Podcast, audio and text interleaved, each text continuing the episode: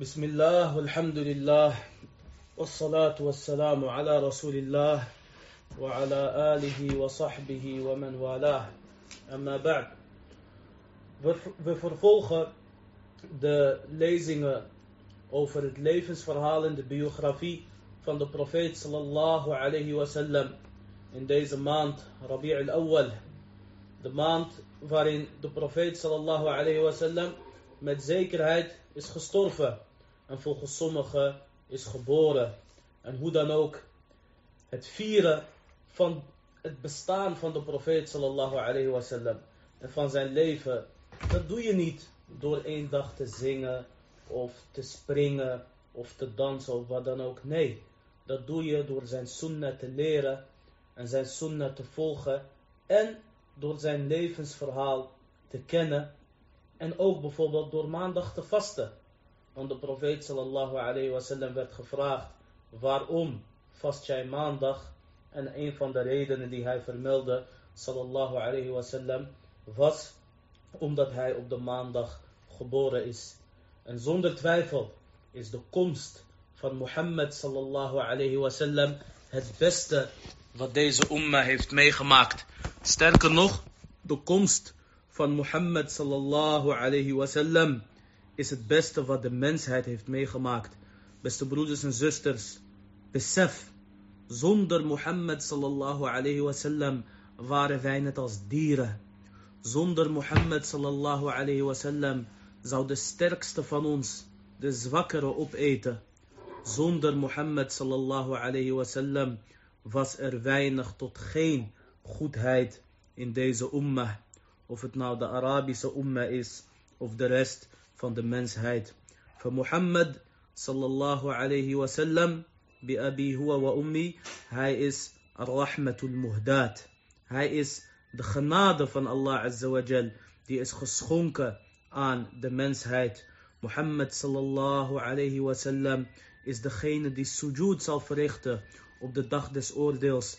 Wanneer iedereen zegt nafsi, nafsi, mijnzelf, mijnzelf, dan zegt Mohammed sallallahu alayhi wasallam, ana laha, ana laha, ummati, ummati. Ik ben hiervoor gemaakt, ik ben hiervoor gemaakt. Mijn ummah, mijn ummah. Zijn enige verzoek aan Allah azza wa jal op die dag is om de ummah te redden en dat de dag des oordeels mag beginnen. Van Mohammed sallallahu alayhi wasallam onderschat zijn waarde niet. Hij is degene die ons zal redden op de dag des oordeels met de gunst van Allah azza. En hij zal voorspraak voor ons doen. En sterker nog, zonder Mohammed sallallahu alayhi wasallam, dan zouden we allemaal belanden in het hele vuur. En niemand kan in het paradijs komen. En niemand die houdt van Allah totdat hij of zij Mohammed sallallahu alayhi wasallam volgt. We zijn gestopt in het jaar 6 na de hijra van de profeet sallallahu alayhi wasallam. En we zijn gestopt bij Ghazwat al-Hudaybiyah. Al-Hudaybiyah is een plek vlakbij Mekka. En daar heeft een belangrijke vredesverdrag plaatsgevonden. De eerste grote vredesverdrag in de islam. En de les hiervoor hebben we het gehad over het verhaal van Aisha radiallahu anha. Toen de munafiqoon, toen de hypocrieten haar valselijk hadden beschuldigd van de beschuldiging dat zij een prostituee zou, zou zijn. En we hebben ook verteld dat het een van de grootste zonden is in de islam. Dat je een vrouw zomaar een prostituee noemt. Of een kech. Of dat je een man een homo noemt of wat dan ook. Zoals onze jongeren helaas vandaag de dag volop doen. Wie dit doet in de islam. Wie dit doet in de islam. Zonder vier betrouwbare getuigen die de daad echt hebben gezien. Je hoort het al. Het is bijna onmogelijk om dit rond te krijgen. Die verdient in de islam 80 zweepslagen. En die is een leugenaar bij Allah. En die is onbetrouwbaar. Totdat hij of zij berouw toont. Dus de hypocrieten hadden Aisha hiervan beschuldigd. En Aisha radiallahu anha, die maakte een paar zware maanden mee. Totdat Allah azza wa jal in Surat An-Nur gezegende ayat liet neerdalen. Waardoor zij werd vrijgepleit. En dit was een les voor de moslims om niet achter de geruchten van de hypocrieten aan te gaan. Want helaas is het bij ons ook vandaag de dag, zoals Allah Azza wa Jal zei in de Koran, وَفِيكُمْ سَمَّاعُونَ لَهُمْ yani, Sommigen luisteren toch helaas graag naar die sensatie. Weet dat de hypocrieten altijd op de loer zijn. en ze zijn jaloers op de moslims. En ze proberen onze rijen te breken. Dus doe geen daad. En spreek niet met een woord die de munafiqin juist sterker kan maken. Zoals we wel helaas zien. Vaak op deze social media kanalen. Wal'iyadu billah. En muhim. Vandaag willen we het hebben over Al-Hudaybiyah. Wat was gebeurd? Wat was er gebeurd? In het jaar 6 kreeg de profeet sallallahu alayhi wasallam een droom. En in die droom zag de profeet sallallahu alayhi wasallam dat hij al-Umrah zou verrichten. Zo vertelt Ibn Ishaq, Ibn Hisham. En hierover zijn ook aanwijzingen in de Koran. En jullie moeten weten dat de dromen van de profeten waarheid zijn. De profeten zien geen nachtmerries, net als ons. En de profeten, de shaitaan speelt ook niet met hun in hun dromen. En daarom zei de profeet sallallahu alayhi wasallam, zoals staat in de hadith, Ru'ya al-anbiya haq. De dromen van de profeten zijn waarheid. En dat is ook de reden waarom Ibrahim alayhi salam zijn zoon Ismail alayhi salam wou offeren.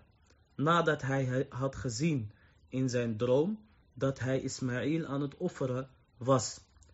Hij zei, ja bunay, inni ara fil manam. Ik zie in mijn droom, dat ik jou offert, dat ik jou offer. En toen zei Ismail alayhi salam, ja abati, if'al ma tu'mar. Doe wat jou bevolen wordt. Waarom zei Ismail alayhi niet vader? Dat is toch een droom, dat is geen realiteit, dat is gewoon iets wat je hebt gehallucineerd. Omdat dit niet van toepassing is bij de profeten. Dus de profeten, alles wat zij zien, is waarheid. Ook wat zij in hun dromen zien. Ala kulli hal. De profeet sallallahu alayhi wasallam, die zag dus in zijn droom dat hij Umrah had verricht. En Al-Bukhari en Muslim overleveren allebei via Anas ibn Malik radiyallahu anhu dat de profeet sallallahu alayhi wasallam in zijn leven vier keer Umrah heeft verricht. En nadat hij een profeet was geworden sallallahu alayhi wasallam op zijn veertigste heeft hij één keer een hajj verricht. Misschien dat iemand zegt van hij is een profeet en hij heeft maar één keer hajj verricht. Hoe kan dat? Het antwoord hierop is heel simpel. Hij, had constante, hij was in constante oorlog met Quraysh. Een oorlog die duurde tot en met Al-Hudaybiyah. Toen kwam er een groot vredesverdrag. En ook was de profeet sallallahu alayhi wasallam daarna, Mekka was nog niet van hem.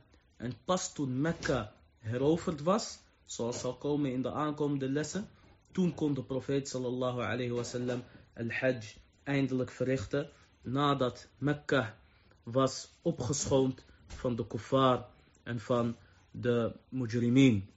Ala kulli hal. De profeet sallallahu alayhi wasallam, die zag dus in zijn droom dat hij al-umrah zou verrichten. En de profeet sallallahu alayhi wasallam, die ging samen met de sahaba. In totaal 1400 man. De profeet sallallahu alayhi wasallam, die ging samen met hun naar Mekka. En zij kleden zich aan met het ihram. Om te laten zien van wij zijn niet gekomen voor oorlog. Wij zijn slechts gekomen om Allah te aanbidden. En ook nam de profeet sallallahu alayhi wasallam al-hadi mee. Al-hadi, dat is precies net als wat wij offeren bij Eid al-Adha. Maar dat kan dus ook een koe of een kameel zijn. En wanneer je al-hajj gaat verrichten, een van de dingen die je kan doen in al-hajj, is dat jij jouw kamelen of jouw schapen of jouw koeien al meeneemt vanuit el Medina vanuit welk land dan ook. De suqul hadi wordt dat genoemd en daarna wordt vaak gerefereerd in de Koran en de Sunnah. De profeet sallam nam 70 kamelen mee. En als jij weet dat vandaag de dag anno 2021 een kameel kost ongeveer 3000 euro, dan weet je dat dat met de waarde van vandaag ongeveer 210.000 euro was. 70 kamelen. Hoeveel was dat wel niet waard? 1400 jaar geleden, in de tijd van de profeet sallam. Yani net als miljoenen euro's. aan kamelen. Dus de profeet kwam met 70 kamelen en hij liet dat ook duidelijk zien van ik ben gekomen voor vrede. Ik ben gekomen om Allah te aanbidden en niet voor oorlog. Er was een stam tussen de profeet sallallahu alayhi wasallam en Quraysh en die heette Khuza'a. Deze stam, sommige van hun waren moslims en sommige van hun waren kuffar. Maar zelfs de kuffar, die hielpen de profeet sallallahu alayhi wasallam. Zelfs de kuffar, die steunden de profeet sallallahu alayhi wasallam. En hierin zit ook een belangrijke aanwijzing dat niet elke kafir een, per se een vijand is. In de zin van dat niet elke kafir jou per se zal aanvallen. Sommigen hebben een vorm van loyaliteit richting de moslims. En dat is sowieso, ik denk, de rode draad in het verhaal van Hudaybiyah. Is dat je bepaalde nieuwe inzichten krijgt. En ook politieke inzichten. En ook hoe je moet omgaan met de kuffar. Vooral degenen die vredelievend zijn. En dat het toegestaan is om een vredesverdrag af te sluiten. Etcetera, etcetera, etcetera. Ghazwat al-Hudaybiyah, of het verhaal van al-Hudaybiyah, Qissat al-Hudaybiyah, is een van de verhalen waarvan je het meest leert in de sira van de profeet sallallahu alayhi wasallam. Yani drie zaken vallen op in de sira van de profeet sallallahu alayhi wasallam. Allereerst de Mekki-periode, de Mekkaanse periode. 13 jaar lang was de profeet sallallahu alayhi wasallam de kleinere partij. Hij had geen staat, hij had geen regering en hij predikte met het woord.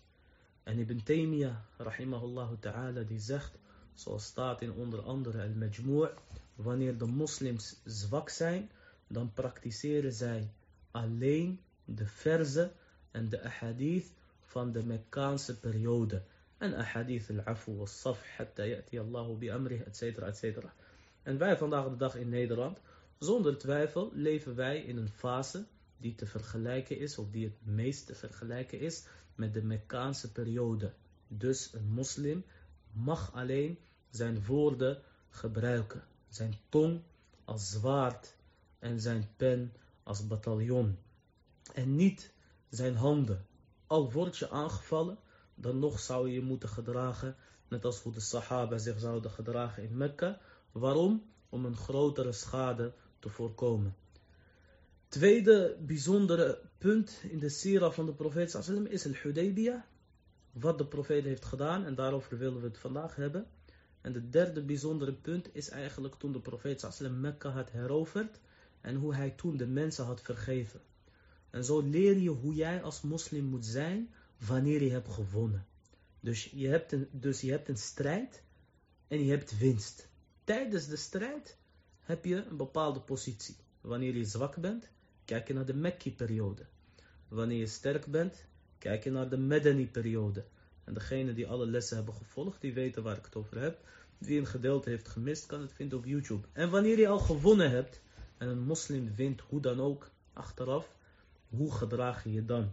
Dat zijn echt levenslessen die je leert vanuit de sera van de profeet sallallahu alayhi wasallam.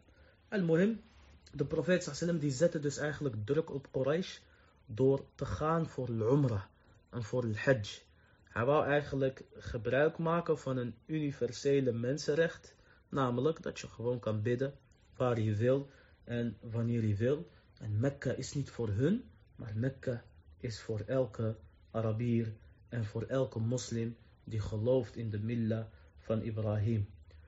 Khuza'a, die stam dus die vlak voor Quraysh was, waarvan ook kuffar waren, zij vertelde aan de profeet sallallahu alayhi wasallam van Quraysh heeft gehoord van jouw komst en ze willen tegen jou vechten. En de profeet sallallahu alayhi wasallam die zei tegen Khuza'a, of tegen deze persoon die was gekomen van Khuza'a, hij zei, ja wayha Quraysh, laqad akalethum al-harb. Yani, wee o Quraysh, ze zijn moe geworden. Oorlog heeft hen opgegeten. Vlak hiervoor was Ghazwat al-Khandaq, etc. geweest. En ze hadden niks gewonnen, ze hadden alleen maar verloren. Hij zei, لو خلوا بيني وبين سائر العرب waarom laten ze mij niet met rust zodat ik het regel met de rest van de Arabieren فإن هم أصابوني كان ذلك الذي أرادوا als die andere Arabische stammen van mij winnen, dan klaar, het doel is bereikt voor Quraysh door middel van andere mensen. وَإِنْ أَظْهَرَنِ اللَّهُ عَلَيْهِمْ دَخَلُوا فِي الْإِسْلَامِ وَافِرِينَ En als ik win van de andere, andere Arabische stammen, dan kan Quraysh gewoon bekeren, zonder dat zij een man verloren hebben. En als zij geen een van deze twee opties willen, وَإِنْ لَمْ يَفْعَلُوا قَاتَلُوا وَبِهِمْ قُوَّةً فَمَاذَا تَظُنُّ Quraysh.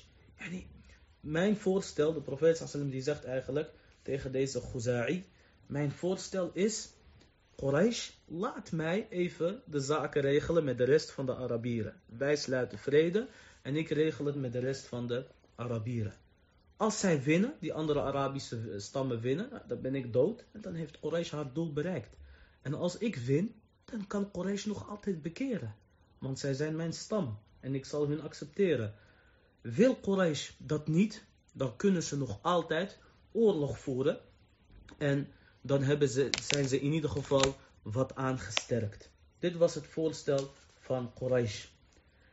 Ze vertelde hem ook dat Khalid ibn Walid radiyallahu anh, en in die tijd was Khalid ibn Walid nog een mushrik, daarna zou hij moslim worden, richting de profeet sallam is gekomen met een leger.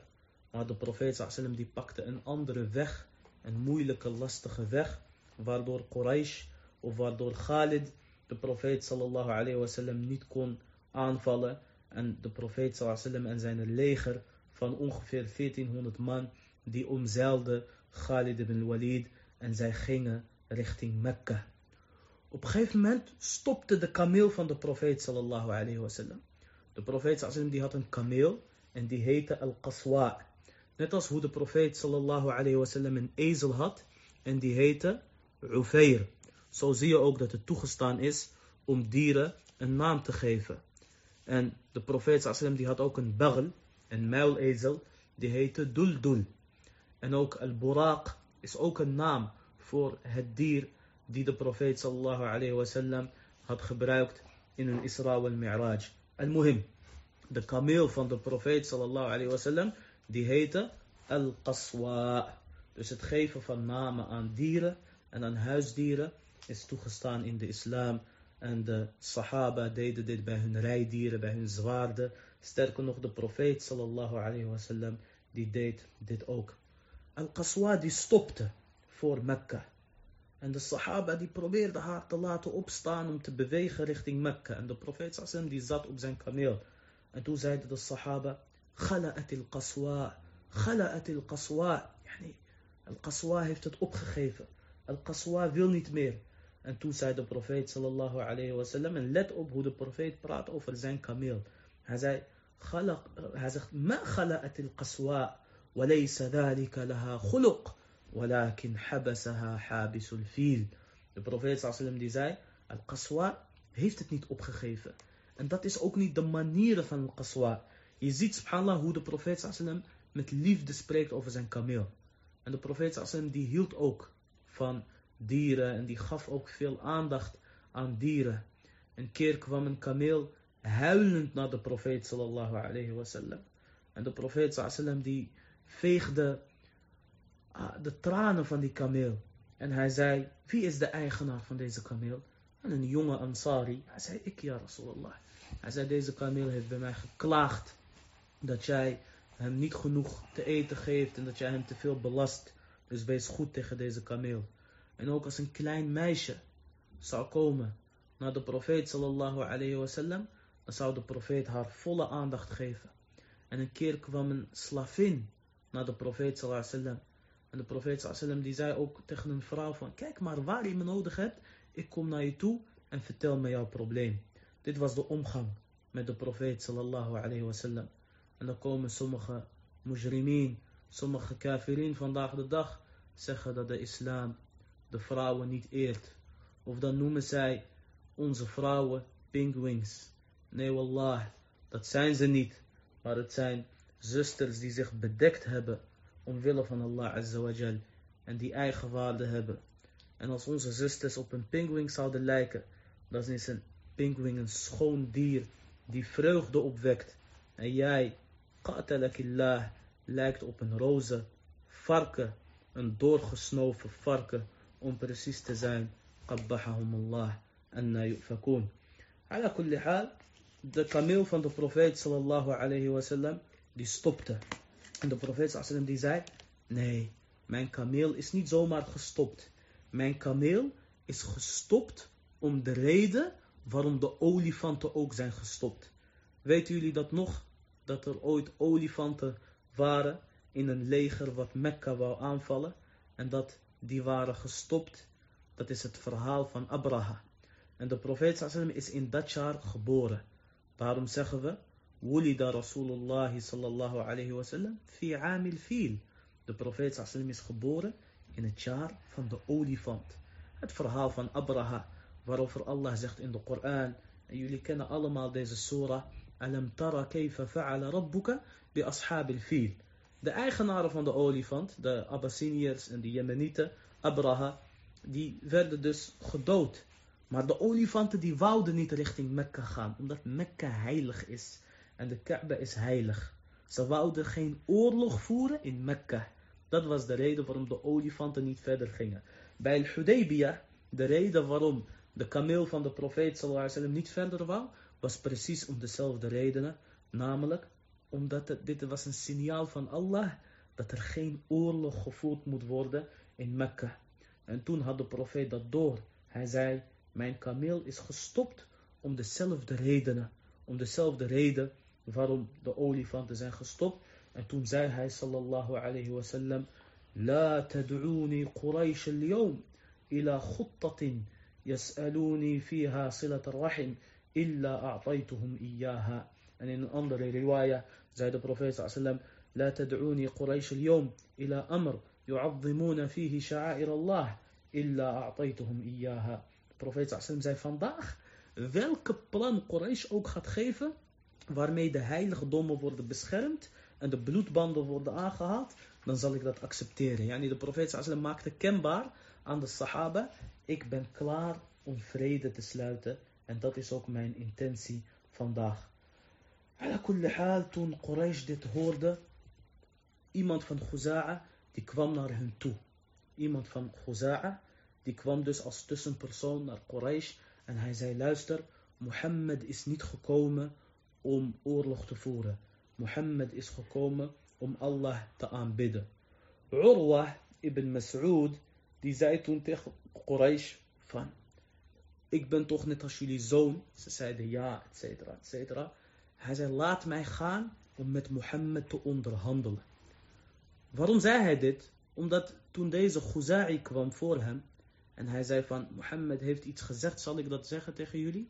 Toen zeiden de dwazen van Quraysh, een beetje de tokkies, een beetje te vergelijken met de PVV-aanhang vandaag op dag, die zeiden, we willen niet eens horen wat Mohammed zei. Maar de slimme kuffar en de verstandige mensen, die zeiden, jawel, vertel maar wat Mohammed te zeggen heeft. En deze Khuza'i die vertelde dus van, hey, Mohammed die wil geen oorlog voeren, maar hij wil vrede, hij wil slechts Allah komen aanbidden bij de Kaaba. En hij wil slechts Umrah komen doen. Urwa ibn Mas'ud, die ging naar de profeet sallallahu alayhi wasallam. En nu begint een heel belangrijk deel van de sira, namelijk de onderhandelingen met de kuffar. Urwa die kwam naar Mohammed sallallahu alayhi wasallam en hij zei tegen Mohammed, hij zei van, ja Mohammed, je kan toch niet vechten tegen je eigen volk. Heb je ooit iemand gezien die zijn eigen volk heeft uitgemoord? En hij zei, ja Mohammed, ik zie om jou heen, zie ik slechts zwakkelingen. Aubash nas.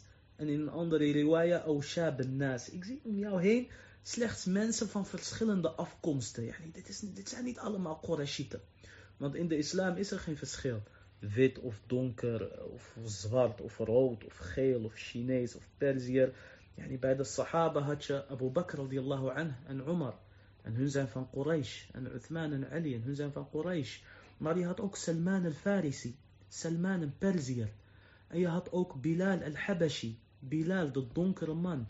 En je had ook Suhaib al-Rumi. Suhaib de Romein. Zo werd hij genoemd. Allah maakt geen onderscheid op basis van afkomst als het gaat om het geloof. En de profeet die deed dat zeker ook niet. En Urwa, die wou dit gebruiken. En hij zei van ja, ik zie allemaal gemixte bloed om jou heen en gemixte stammen. Als jij gaat vechten tegen Quraysh, deze mensen gaan allemaal wegrennen. En Quraysh is gekomen met al haar kamelen en kinderen en vrouwen. En ze hebben besloten om tegen jou te vechten en door te gaan. Toen Abu Bakr radiallahu anhu hoorde dat deze mushrik in die tijd zei van deze sahaba ga jou in de steek laten wanneer oorlog begint, zei hij tegen hem een heel vies woord. Hij zei tegen hem, Umsus bavrallat. Nahnu natruku Muhammada. Hij zei tegen hem, lik de geslachtsdeel van jouw afgodsbeeld. Denk je nou echt dat wij Mohammed in de steek gaan, laten? Ja, niet zo zie je ook dat, dat gescheld. Je kan bepaalde scheldwoorden begrijpen wanneer iemand zwaar is beschuldigd of zwaar aangevallen wordt.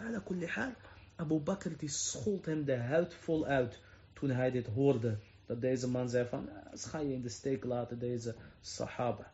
En Urwa die zei van, wie is dit? De profeet die zei van, Hada ibn Abi Quhafa. Dit is de zoon van Abu Quhafa. Abu Quhafa is de vader van Abu Bakr en hij zou later ook moslim worden. Toen was hij ook mushrik. En let op wat Urwa toen zei. Hij zei, Abu Bakr, als ik niet bij jou in het krijt stond, dan had ik teruggesproken. Kijk, Abu Bakr is moslim, Urwa was kafir. Abu Bakr scheldt hem de huid vol uit. Maar Urwa denkt nog steeds aan de dag dat Abu Bakr tegen hem goed was. En hij zei, ik sta bij jou in het krijt, dus ik ga je niet terug uitschelden. Dit noemen we loyaliteit. Vandaag de dag, je bent 99 keer goed voor ze. En je maakt één fout. En elke mens maakt fouten. En ze vergeten alle goedheid. Een van de redenen waarom onze profeet sallallahu alayhi wasallam een Arabier is. En een van de redenen waarom hij van de beste der alle Arabieren is, Quraysh, is omdat Quraysh een aantal genetische eigenschappen hadden. En ook een aantal karakteristieke eigenschappen die hun geschikt maakten om deze boodschap te dragen. Ze waren dapper, ze waren goud eerlijk en ze waren loyaal. En kijk deze mushrik, hij vergeet de goedheid van Abu Bakr niet, al is dit ongeveer, ongeveer zes jaar na de hijra. En daarvoor was de profeet 13 jaar, dus waarschijnlijk is hij al 20 jaar een vijand van Abu Bakr. Omdat Abu Bakr vanaf dag 1 moslim was. Maar na 20 jaar zegt hij nog, jij bent ooit goed tegen mij geweest, dus ik ga je niet terug uitschelden. Kijk, dit noemen we loyaliteit. En ook de profeet sallam. Hij was loyaal tegen de mensen die hem hebben geholpen, al waren dat kuffar. Loyaliteit en eigenschap die wij missen helaas vandaag de dag bij de meeste mensen. Illa marahim Allah.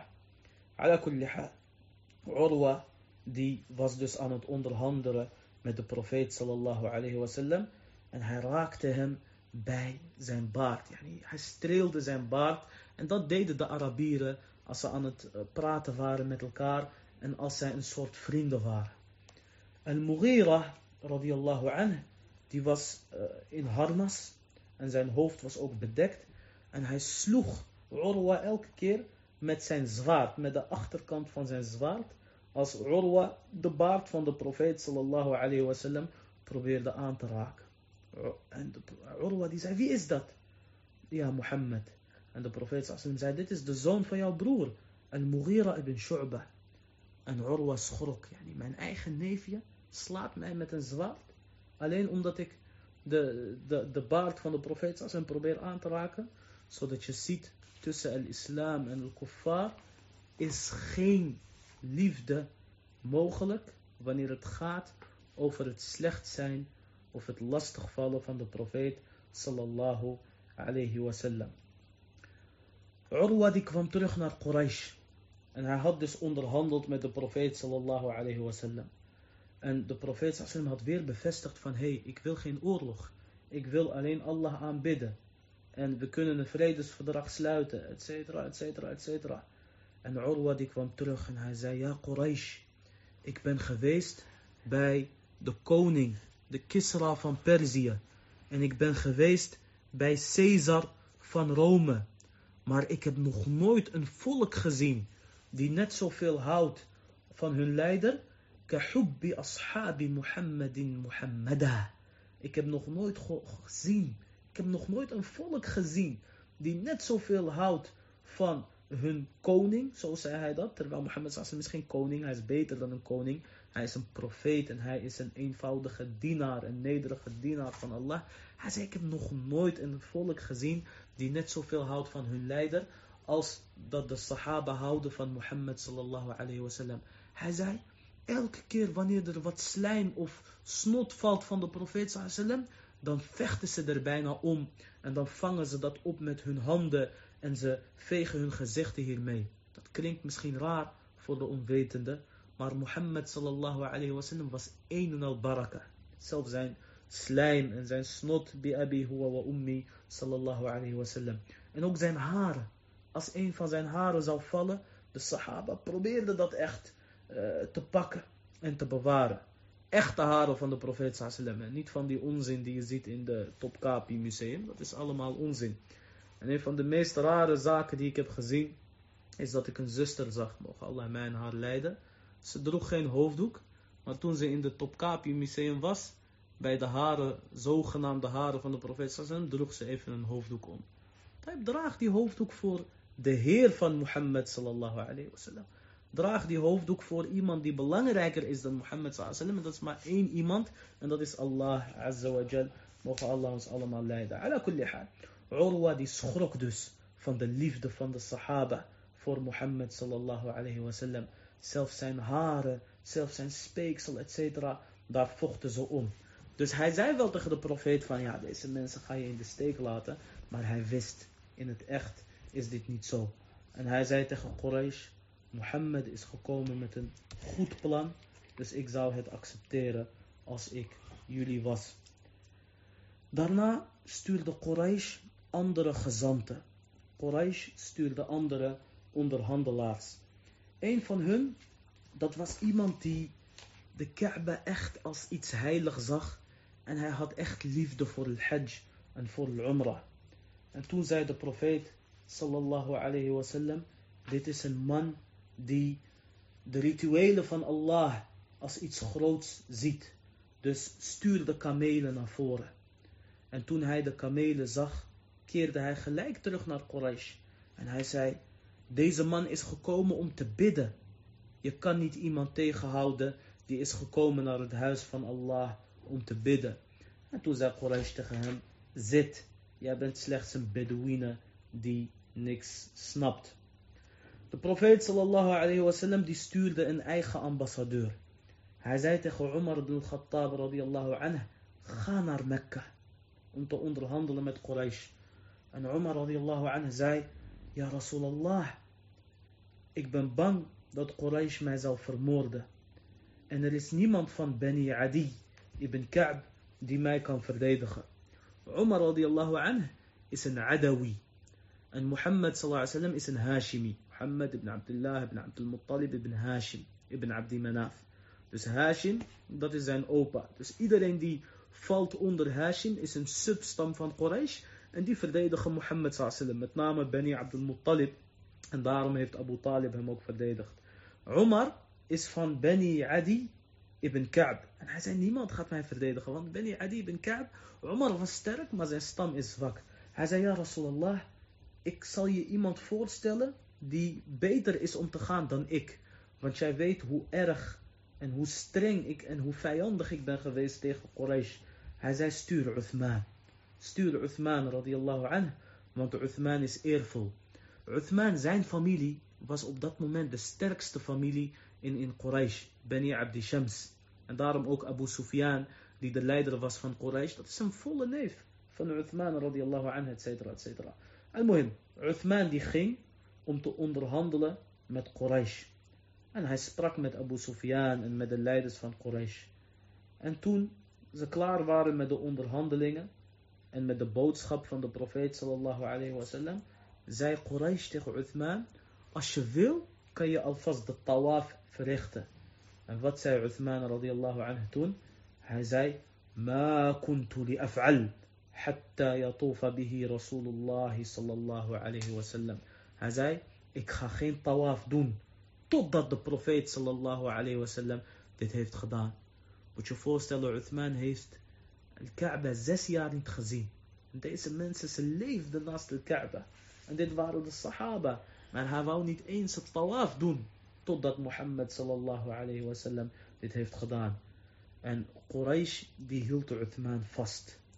En het gerucht kwam naar de Sahaba naar de profeet sallallahu alayhi wasallam dat Uthman radiallahu anhu was vermoord. En de Sahaba waren woedend. En de profeet sallallahu alayhi wasallam die riep de Sahaba op om el bay'a te verrichten. Om de eed van trouw te geven. En dit wordt genoemd, of dit wordt bay'at ridwan genoemd. En Allah azza wa uh, refereert hier ook naar in de Koran. En hij zegt subhanahu wa ta'ala, لقد رضي الله عن الذين يبايعونك تحت الشجرة. Allah azza wa jal zegt in de Koran dat hij tevreden is over degene die de eed van trouw hebben gegeven onder de boom of bij de boom. En Allah Azza wa Jal zegt ook in de Koran: Yadullahi fawqa aydihim. De hand van Allah is boven hun handen. Dus de Sahaba, 1400 man, die gaven de profeet sallallahu de eed van trouw en de speciale eed dat zij zouden blijven vechten tot de dood. Want de ambassadeur van de profeet sallallahu is vermoord. En zelfs Quraysh die wist van een ambassadeur vermoord je niet. Vandaag de dag heb je toch van uh, korps diplomatiek, diplomatieke paspoorten en al hebben zij iets gedaan, ze mogen niet aangehouden worden, et cetera. Dit is niet nieuws, dit is niet van het Westen of wat dan ook. Dit was al 1400 jaar geleden. Voor de komst van Mohammed sallam en tijdens de komst van Mohammed sallam, de profeet sallam zei ook, inni la aqtul rusul. Ik vermoord geen boodschappers, ik vermoord geen ambassadeurs. Dus het feit dat Uthman, het gerucht ging dat Uthman uh, vermoord zal zijn, als dat zal kloppen, dat betekent dat Quraysh echt oorlog wou. Maar alhamdulillah, dat, dat klopte niet. Maar toch nam de profeet sallam de eed af van ongeveer 1400 sahaba. En zijn eigen hand zette hij op zijn andere hand en hij zei, Hadihi Uthman. Deze hand is voor Uthman. En de hand van de profeet sallam namens Uthman is beter dan de hand van Uthman zelf. Tayyib. Daarna kwam Suhail ibn Amr en hij werd gestuurd door Quraysh om te onderhandelen met de profeet sallallahu alayhi wasallam. En nu beginnen de echte onderhandelingen. Toen de profeet sallallahu Suhail zag, ibn Amr, werd hij blij. En hij zei, Hada Suhail. Toen de profeet sallallahu Suhail zag, zei hij, Qad sahula amrukum. En toen hij Suhail zag, zei hij, jullie zaak is makkelijker geworden. Hij haalde positiviteit uit zijn naam. En daarom is het belangrijk om onze kinderen een goede naam te geven. En niet van die rare namen van de kuffar of popsterren of azulistische namen of wat dan ook. Als iemand hoort Mohammed, sallallahu alayhi wasallam, diegene wordt blij met die naam. Abdullah, Maryam. Yani als, jij je dochter Maryam noemt, zelfs een christen wordt blij wanneer hij weet dat, dat jouw dochter eh, Maria heeft. De functie van namen, een van de functies is positiviteit. Dus geef jullie kinderen en jullie mensen goede namen. Toen de profeet Sallam Suhail zag, zei hij, Qad sahula amrukum. Het is makkelijk geworden.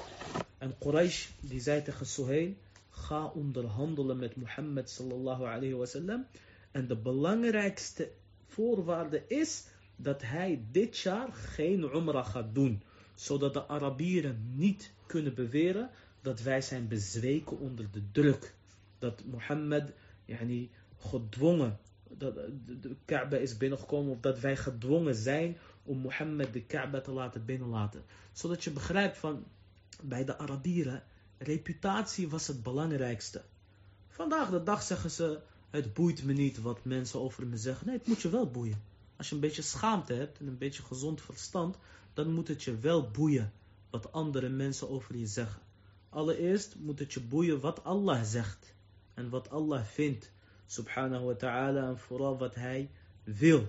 Maar jij leeft in een gemeenschap, je leeft niet alleen op deze wereld. Je kan het makkelijk maken voor jezelf en je kan het moeilijk maken voor jezelf.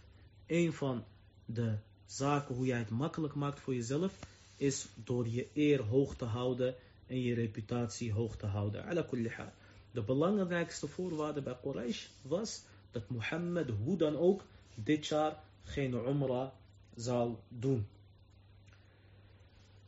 De profeet, de profeet sallam die zei van, aangezien Quraysh Suhail heeft gestuurd, dat betekent dat zij vrede willen.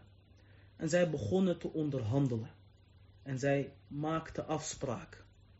Een van de afspraken was dat er tien jaar vrede zou zijn tussen de profeet sallallahu alayhi wasallam en Quraysh. En een van de afspraken was dat de profeet sallam niet dit jaar Umrah zou doen, maar volgend jaar. En een van de afspraken was, en dit was een hele moeilijke afspraak voor de Sahaba, is dat elke bekeerling die van Quraysh wil gaan naar de profeet sallallahu alayhi wasallam, teruggestuurd wordt door de profeet. Maar elke ketter wordt wel geaccepteerd. Yani iedereen die kafir wil worden, wordt wel geaccepteerd. En het gebeurt nauwelijks dat iemand kafir wordt nadat hij moslim was. Maar het gebeurde wel vaak dat een Qurashid, dat een mushrik moslim werd. Maar de voorwaarde van Quraysh was, de deal werd alleen gesloten als de profeet elke kafir zou terugsturen. Dit is een hele moeilijke voorwaarde. Tien jaar vrede, dat kan. Volgend jaar Umrah, niet dit jaar, dat kan. Maar de derde voorwaarde, namelijk alle moslims terugsturen naar Quraysh, dit is moeilijk. Umar radiallahu anhu, die hield het niet meer vol. En Umar radiallahu anhu, die ging naar de profeet sallallahu alayhi wasallam. Hij zei, o boodschapper van Allah, ben jij niet de profeet van Allah? De profeet sallam zei, natuurlijk wel. Umar radiallahu anhu zei, zijn wij geen moslims? De profeet zei, ja wel, dat zijn jullie wel. Umar zei, dat zijn toch mushrikeen, over wie we het hebben? De profeet zei, ja. En Umar zei, waarom moeten we ons dan zo laten vernederen? Yani Umar, die zag deze deal en deze vredesverdrag als een vernedering. Want de dappere Umar, radiallahu anhu, die wou het liefst vechten tegen de kuffar. Maar er waren grotere belangen dan dat Umar doorhad. En de profeet sallam die zei van, ik ben de dienaar van Allah. En ik ben zijn profeet. En ik ga zijn bevelen niet tegen. En Allah zal mij niet in de steek laten. Omar die zei, ja Rasulallah, je hebt toch gezegd dat we Umrah gaan verrichten? En de profeet zei, heb ik gezegd dat je dit jaar gaat? Omar zei, nee, je hebt niet gezegd dit jaar. Je hebt alleen gezegd, we gaan Umrah verrichten. De profeet zei, je gaat hoe dan ook Umrah verrichten. Omar ging naar Abu Bakr. En hij zei van, ja Abu Bakr, dit is toch de profeet? Wij zijn toch moslims? Dit zijn toch mushrikeen? Waarom laten we ons zo vernederen? En Abu Bakr, die gaf dezelfde antwoorden als de profeet sallallahu alayhi wasallam, zonder dat hij had gehoord wat de profeet sallallahu zei. Dan snap je ook waarom Abu Bakr de grootste sahabi is in deze umma. En de beste mens na Mohammed sallallahu alayhi wasallam. Omdat hij precies hetzelfde zei tegen Umar ibn Khattab, zonder dat hij wist wat de profeet sallallahu alayhi wasallam zei. En toen riep de profeet sallallahu alayhi wasallam Ali radiyallahu anhu om de vredesverdrag Sulh al-Hudaybiyah te schrijven. En hij zei tegen Ali radiyallahu anhu, oktub, schrijf. Want de profeet sallallahu kon zelf niet schrijven. De profeet sallam is een nabi al-ummi, de analfabete profeet. Hij kan niet lezen en niet schrijven. Voor mij en jou is dit een minpunt. Maar voor Mohammed sallallahu alayhi wasallam is het een pluspunt dat hij analfabeet was. Zodat ze niet konden zeggen van ja, hij heeft dit gewoon geleerd of gekopieerd uit de Bijbel en de Torah. De profeet sallam kon de Bijbel en de Torah niet eens lezen. Laat staan dat hij dat kon kopiëren. Niet dat hij dat nodig had, sallallahu alayhi wasallam. Arabieren waren ook grote dichters. Abu Bakr, Ali, Hassan, uh, Abdullah bin Rawaha, allemaal grote dichters. Mohammed sallam was geen dichter. وَمَا عَلَّمْنَاهُ الشِّعْرِ وَمَا يَنْبَغِي لَهُ wij hebben hem het dichten niet geleerd en het hoort ook niet bij hem. Zodat ze, hun, zodat ze hem niet konden betichten, sallallahu alayhi wasallam, of beschuldigen van dat hij een dichter zou zijn als zij de soms rijmende verzen van de Koran zouden horen. Ala. Mohammed sallallahu alayhi wa sallam liet zijn schoonzoon Ali radiyallahu anhu de vredesverdrag opschrijven tussen hem en Quraysh. En hij zei, oktub, Bismillahirrahmanirrahim. Schrijf in de naam van Allah, Ar-Rahman, de barmhartige, Ar-Rahim, de meest genadevolle. Suhail die zei, La a'rifu hada, ik ken dit niet. Maar schrijf Bismikallahum. Schrijf in de naam van Allah. Want Quraysh die erkende niet dat Allah Ar-Rahman is. En die geloofde niet in het woord Ar-Rahman. Dit was een bepaalde shirk die zij hadden in al-asma wa sifat. Maar Quraysh geloofde wel in het bestaan van Allah. En zo begrijp je dat het tawhid niet voldoende is, totdat je echt erkent en getuigt en praktiseert dat je Allah alleen mag aanbidden. En een van de grappigste zaken is dat een van de munafiqeen laatst tegen mij zei, jij beweert dat Quraysh ook tawhid had. Ik zeg, wat is de definitie van tawhid? Een onderdeel van het tawhid is dat je Allah kent en dat je gelooft in het bestaan van Allah. Had Quraysh dat? Hij zei nee. Tayyib hier. En de hadith staat onder andere in Bukhari. Sohail die zei, schrijf bismikallahum. Schrijf in de naam van Allah. Hij zegt niet Allah bestaat niet. Hij zegt nee, schrijf in de naam van Allah. Alleen het probleem van Quraysh is dat zij niet erkennen dat Allah als enige aanbeden moet worden. Dus het aanbidden van een graf, of het vragen van een graf, of het aanbidden van een standbeeld, of een boom, of wat dan ook. Dat kon ook allemaal bij Quraysh. En dat is shirk. Daarom waren zij kuffar. En ook omdat zij niet geloofden in Mohammed sallallahu alayhi wasallam als profeet. Maar vooral om shirk. Ala kulli hal. Die zei, schrijf niet bismillahirrahmanirrahim, schrijf bismikallahum. In de naam van u, o Allah. En de profeet die zei, maakt niks uit. Schrijf dat maar. En toen zei de profeet sallam, uktub. هذا ما صالح عليه محمد رسول الله سهيل بن عمر أو سهيل ibn Amr. En je schrijft, dit is de vredesverdrag tussen Mohammed, de profeet van Allah, en Suhail ibn Amr. Toen zei Suhail, ja, als ik zou getuigen dat jij een profeet was, dan zou ik niet tegen je vechten. Dus schrijf je eigen naam en de naam van je vader. En toen zei de profeet sallallahu alaihi wasallam, schrijf, ja Ali, dit is de vredesverdrag tussen Mohammed ibn Abdullah, de zoon van Abdullah, en Suhail ibn, ibn Amr. En in sommige riwayat staat dat Ali zei, Wallah, ik ga dit niet wegvegen. Wallah, ik ga dit wegvegen, dat jij de boodschapper van Allah bent. Kijk, de liefde van Ali voor de profeet sallallahu En toen zei de profeet sallallahu tegen Ali, volgens deze riwaya, laat me zien waar het is en ik veeg die inkt zelf weg. En het werd dus weggeveegd en er stond, dit is de vredesverdrag tussen Mohammed ibn Abdullah en Suhail ibn Amr. Zij hebben afgesproken dat de oorlog wordt gestaakt voor tien jaar. Ya'manu fihinna nas. De mensen zijn hierin veilig. وَيَكُفُّ بَعْضُهُمْ عَنْ بَعْض En ze vallen elkaar niet meer lastig. Ala, op voorwaarde dat. أنه من أتى محمدا dat degene die naar Mohammed gaat min Quraysh, van Quraysh بغير إذن وليه zonder toestemming van zijn voogd al is het een man, yani zonder toestemming van zijn vader of stam raddahu alayhim Mohammed moet hun terugsturen ومن جاء قريش maar wie naar Quraysh komt mimman ma'a Mohammed van degene die met Mohammed zijn lam yarudduhu alayh Quraysh hoeft dus de afvallige moslims niet terug uh, te sturen en ze maakten een aantal afspraken en ze zeiden welke stam in uh, de kamp van Mohammed of naar de kamp van Mohammed wil gaan, dat mag. En wie zich wil afsluiten, of wie zich wil aansluiten bij de, uh, bij, bij de kamp van Quraysh, dat mag. Khuza'a, zowel de moslims als de kuffar, die kozen ervoor om in het kamp van Mohammed sallallahu alayhi wasallam te gaan. Dus zij vielen onder de uh, afspraken van Mohammed sallallahu alayhi wasallam. En Banu Bakr, een andere Arabische stam, die was dus bij, of die sloot zich aan bij het kamp van Quraysh. Dat betekent dat als Khuza'a wordt aangevallen, dat het verdrag ook is verbroken door middel van Quraysh. En dit zal uiteindelijk ook gebeuren, want deze tien jaar zullen ze niet afmaken. En zo zijn de kuffar. Dat zie je ook bijvoorbeeld bij de Zionisten. Elke keer wanneer er een vredesverdrag wordt gesloten met de Zionisten, vroeg of laat, die Zionisten die, die, die, die bedriegen, helaas. En zo ook bij Quraysh, die hebben Mohammed sallam bedrogen, maar dat pakte goed uit voor de moslims.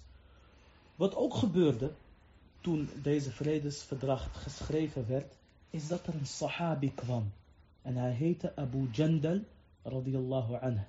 De zoon van Suhail. De zoon van deze ambassadeur van Quraysh. En hij kwam vastgeketend. En hij kwam om te vluchten naar Mohammed sallallahu alayhi wasallam. En toen zei Suhail tegen de profeet sallallahu alayhi wasallam. Hij zei tegen hem, Ja Mohammed, hada awwalul aqd. O Mohammed, dit is de eerste persoon op wie deze akte wordt toegepast. En de profeet sallam zei, wacht even, we hebben de deal nog niet gesloten. De inkt is nog nat. Het is nog niet helemaal rond. En Suhail zei, als je mijn zoon niet terugstuurt, dan klaar. De deal gaat niet door. Dit hebben we afgesproken. De profeet sallam die zei van, maak voor hem een uitzondering. En hij zei, nee, dat doe ik niet. De profeet sallam zei, je wel, dat doe je wel. En Suhail die zei, nee, dat doe ik niet. En Abu Jandal die begon te schreeuwen. En hij zei, o moslims, o moslims, word ik teruggestuurd naar de kuffar, zodat ze mij zullen beproeven in mijn religie. En dit was zwaar voor de moslims. En de profeet sallam zei, O Abu Jandal, heb geduld, heb geduld, want Allah die zal jullie zaak vergemakkelijken. Voor jou en voor de, zwa de zwakkere moslims. Umar radiallahu anhu, die liep met Abu Jandal mee toen hij door zijn vader werd teruggesleurd naar Quraysh. En hij zei, Abu Jandal, heb geduld, dit zijn mushrikeen. En hun bloed, dat is hondenbloed. En Umar radiallahu anhu, die schuurde tegen Abu Jandal aan. Yani, zodat Abu Jandal zijn zwaard zou pakken van Umar en zijn vader zou doden. Maar Umar zei, Abu Jandal had te veel liefde voor zijn vader. Yani, hij wou zijn eigen vader niet uh, doden. En zo begon de vredesverdrag of het vredesverdrag tussen de profeet sallallahu alayhi wasallam en Quraysh. Al-Umrah, die kon niet. Maar de profeet sallallahu en de sahaba die hadden al al-ihram aan. En de profeet sallallahu alayhi wasallam die zei, scheer jullie haren en slacht jullie offers. En de sahaba die wouden niet. Voor het eerst, niemand gehoorzaamde de profeet sallallahu alayhi wasallam direct. En dit was zwaar voor de profeet sallallahu alayhi wasallam. De profeet sallallahu die ging naar huis en hij was boos. En Ummu Salama, zijn vrouw radiallahu anha, die zag dat. En zij zei, wat is er aan de hand, ja Rasulallah? En de profeet sallallahu die zei van, ik heb tegen hun gezegd, scheer jullie haren en offer jullie dieren. Maar niemand die luistert. Waarom luisterden ze niet? Omdat ze nog ergens de hoop hadden dat ze toch op Umrah konden gaan. Maar de vredesverdrag was pas volgend jaar. Mogen jullie op Umrah gaan, zodat niemand kan zeggen van onder dwang hebben wij Quraysh jullie toegelaten. Umm Salama, de wijsvolle vrouw van de profeet Sassim, die zei van, wil je dat ze dit doen, o boodschapper van Allah? De profeet Sassim, die zei, ja, dat, dat wil ik. Zij zei, ga jij naar buiten, scheer jij je haren en offer jij je dier en dan zullen ze allemaal volgen. Kijk, de wijsvolle vrouw. En kijk ook hoe de profeet sallam wijze advies van zijn vrouw accepteerde. Hij zei niet, ik ben een profeet en jij bent een vrouw, wat weet jij, et cetera. Nee, de profeet sallam stond open voor een advies en voor eh, de wijze raad van zijn vrouw. Kijk, zelfs zaken die de hele umma gaan, daarin mocht een vrouw in het huis van de profeet sallam bemoeien. En ook Umar radiallahu anhu, een keer gaf hij een godpa en hij zei van, jullie mogen niet meer zoveel bruidschat geven. Er stond een vrouw op in de Jumu'ah en ze zei, ja Amir al-Mu'minin, Allah zegt in de Koran, al geven jullie de vrouwen een bergen van goud, dan mogen jullie niks terugpakken. Dus Allah heeft geen maximum gesteld aan de bruidschat. Wie ben jij om dat wel te doen? En Umar radiallahu anhu, die draaide gelijk zijn wet terug. Ja, en die vrouwen, die spraken in de tijd van de profeet sallam en in de tijd van de sahaba, zelfs openbaar gingen zij tegen de regeringsleiders in op een respectvolle manier, op een wijsvolle manier. En de profeet sallam en de sahaba die accepteerden dat. En dan komen bepaalde varkens vandaag de dag zeggen dat vrouwen geen recht hebben in de islam. In jullie cultuur hebben vrouwen geen recht. We zien ze in Amsterdam staan achter de rode ramen bij de wallen, wal billah. Jullie weten dat 80% daar, uh, worden misbruikt als slavinnen. En door pooiers daar worden gezet onder druk. En dan kijken jullie de andere kant op. En dan praten jullie over onze vrouwen. Weet je waarom? Omdat jullie kapot van binnen gaan. Dat onze vrouwen bedekt zijn. En dat onze vrouwen thuis zijn. En jullie zijn viezerikken. Jullie zijn uh, ashaben zina. Mensen die zina plegen. Jullie zijn pedofielen. Overspelige verkrachters. Het liefst willen jullie bij onze vrouwen komen. Maar alhamdulillah, onze vrouwen zijn goed voor jullie. Te goed voor jullie. Te moeilijk voor jullie. Onhaalbaar voor jullie. Dat zal altijd zo blijven. En al zijn vele van onze vrouwen zwak, ze zullen hoe dan ook ooit terugkeren naar de islam. Zelfs jullie vrouwen. Elke keer wanneer ze in contact komen met een moslim, zelfs wanneer het een haram relatie uh, bevat, dan erkennen zij dat deze liefde die zij hebben uh, gevoeld van onze mannen, welke moslimmannen dan ook is, nooit van hun eigen mensen hebben gekregen. Yani, met alle respect, jullie dragen jullie vrouw achter op de fiets. En in de Albert Heijn moet ze haar eigen boodschappen afrekenen. En als het niet op dat moment is, dan krijgt ze een tikkie achteraf. Maar uh, tuurlijk willen jullie vrouwen jullie niet. En tuurlijk praten jullie over onze vrouwen die worden behandeld als koningin billah. En dan zeggen jullie, ze mogen niet alles. Tuurlijk mag ze niet alles. Want iemand die waardevol is, die mag niet alles. Zelfs jullie eigen kroonprinses, wanneer zij wil trouwen, ze mag alleen maar trouwen na toestemming van het kabinet. Waarom mag jullie eigen kroonprinses dan niet alles? Als deze vrijheid onbeperkt is. Maar de islam is eerlijk en jullie zijn leugenaars. En dat is het verschil. Wallahu musta'an.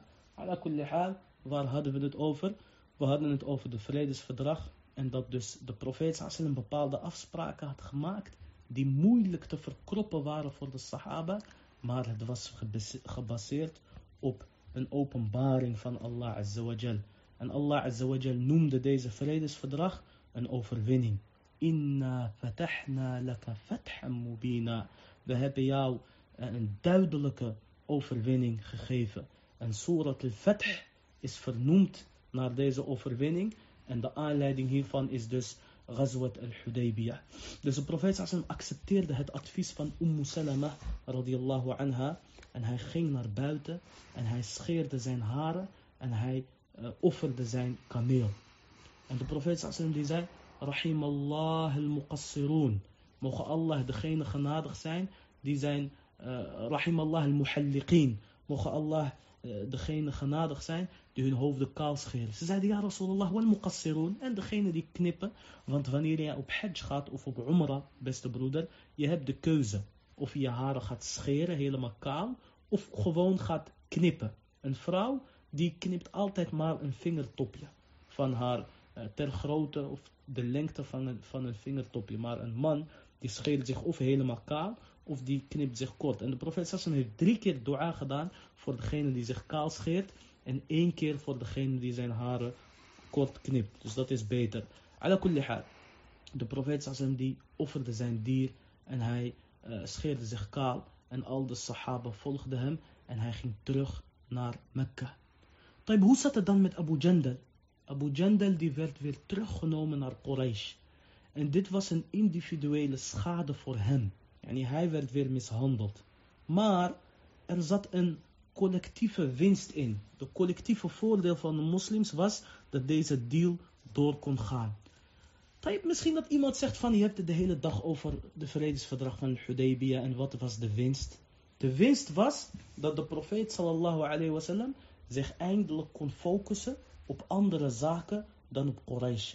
Er was vrede tussen hem en Quraysh, dus de profeet sallallahu begon da'wa te doen bij andere koningen. En hij stuurde brieven naar Perzië, en hij stuurde brieven naar de Romeinen, en hij stuurde brieven naar Jemen, naar de andere koningen. En ook werden mensen bekeerd. Waarom?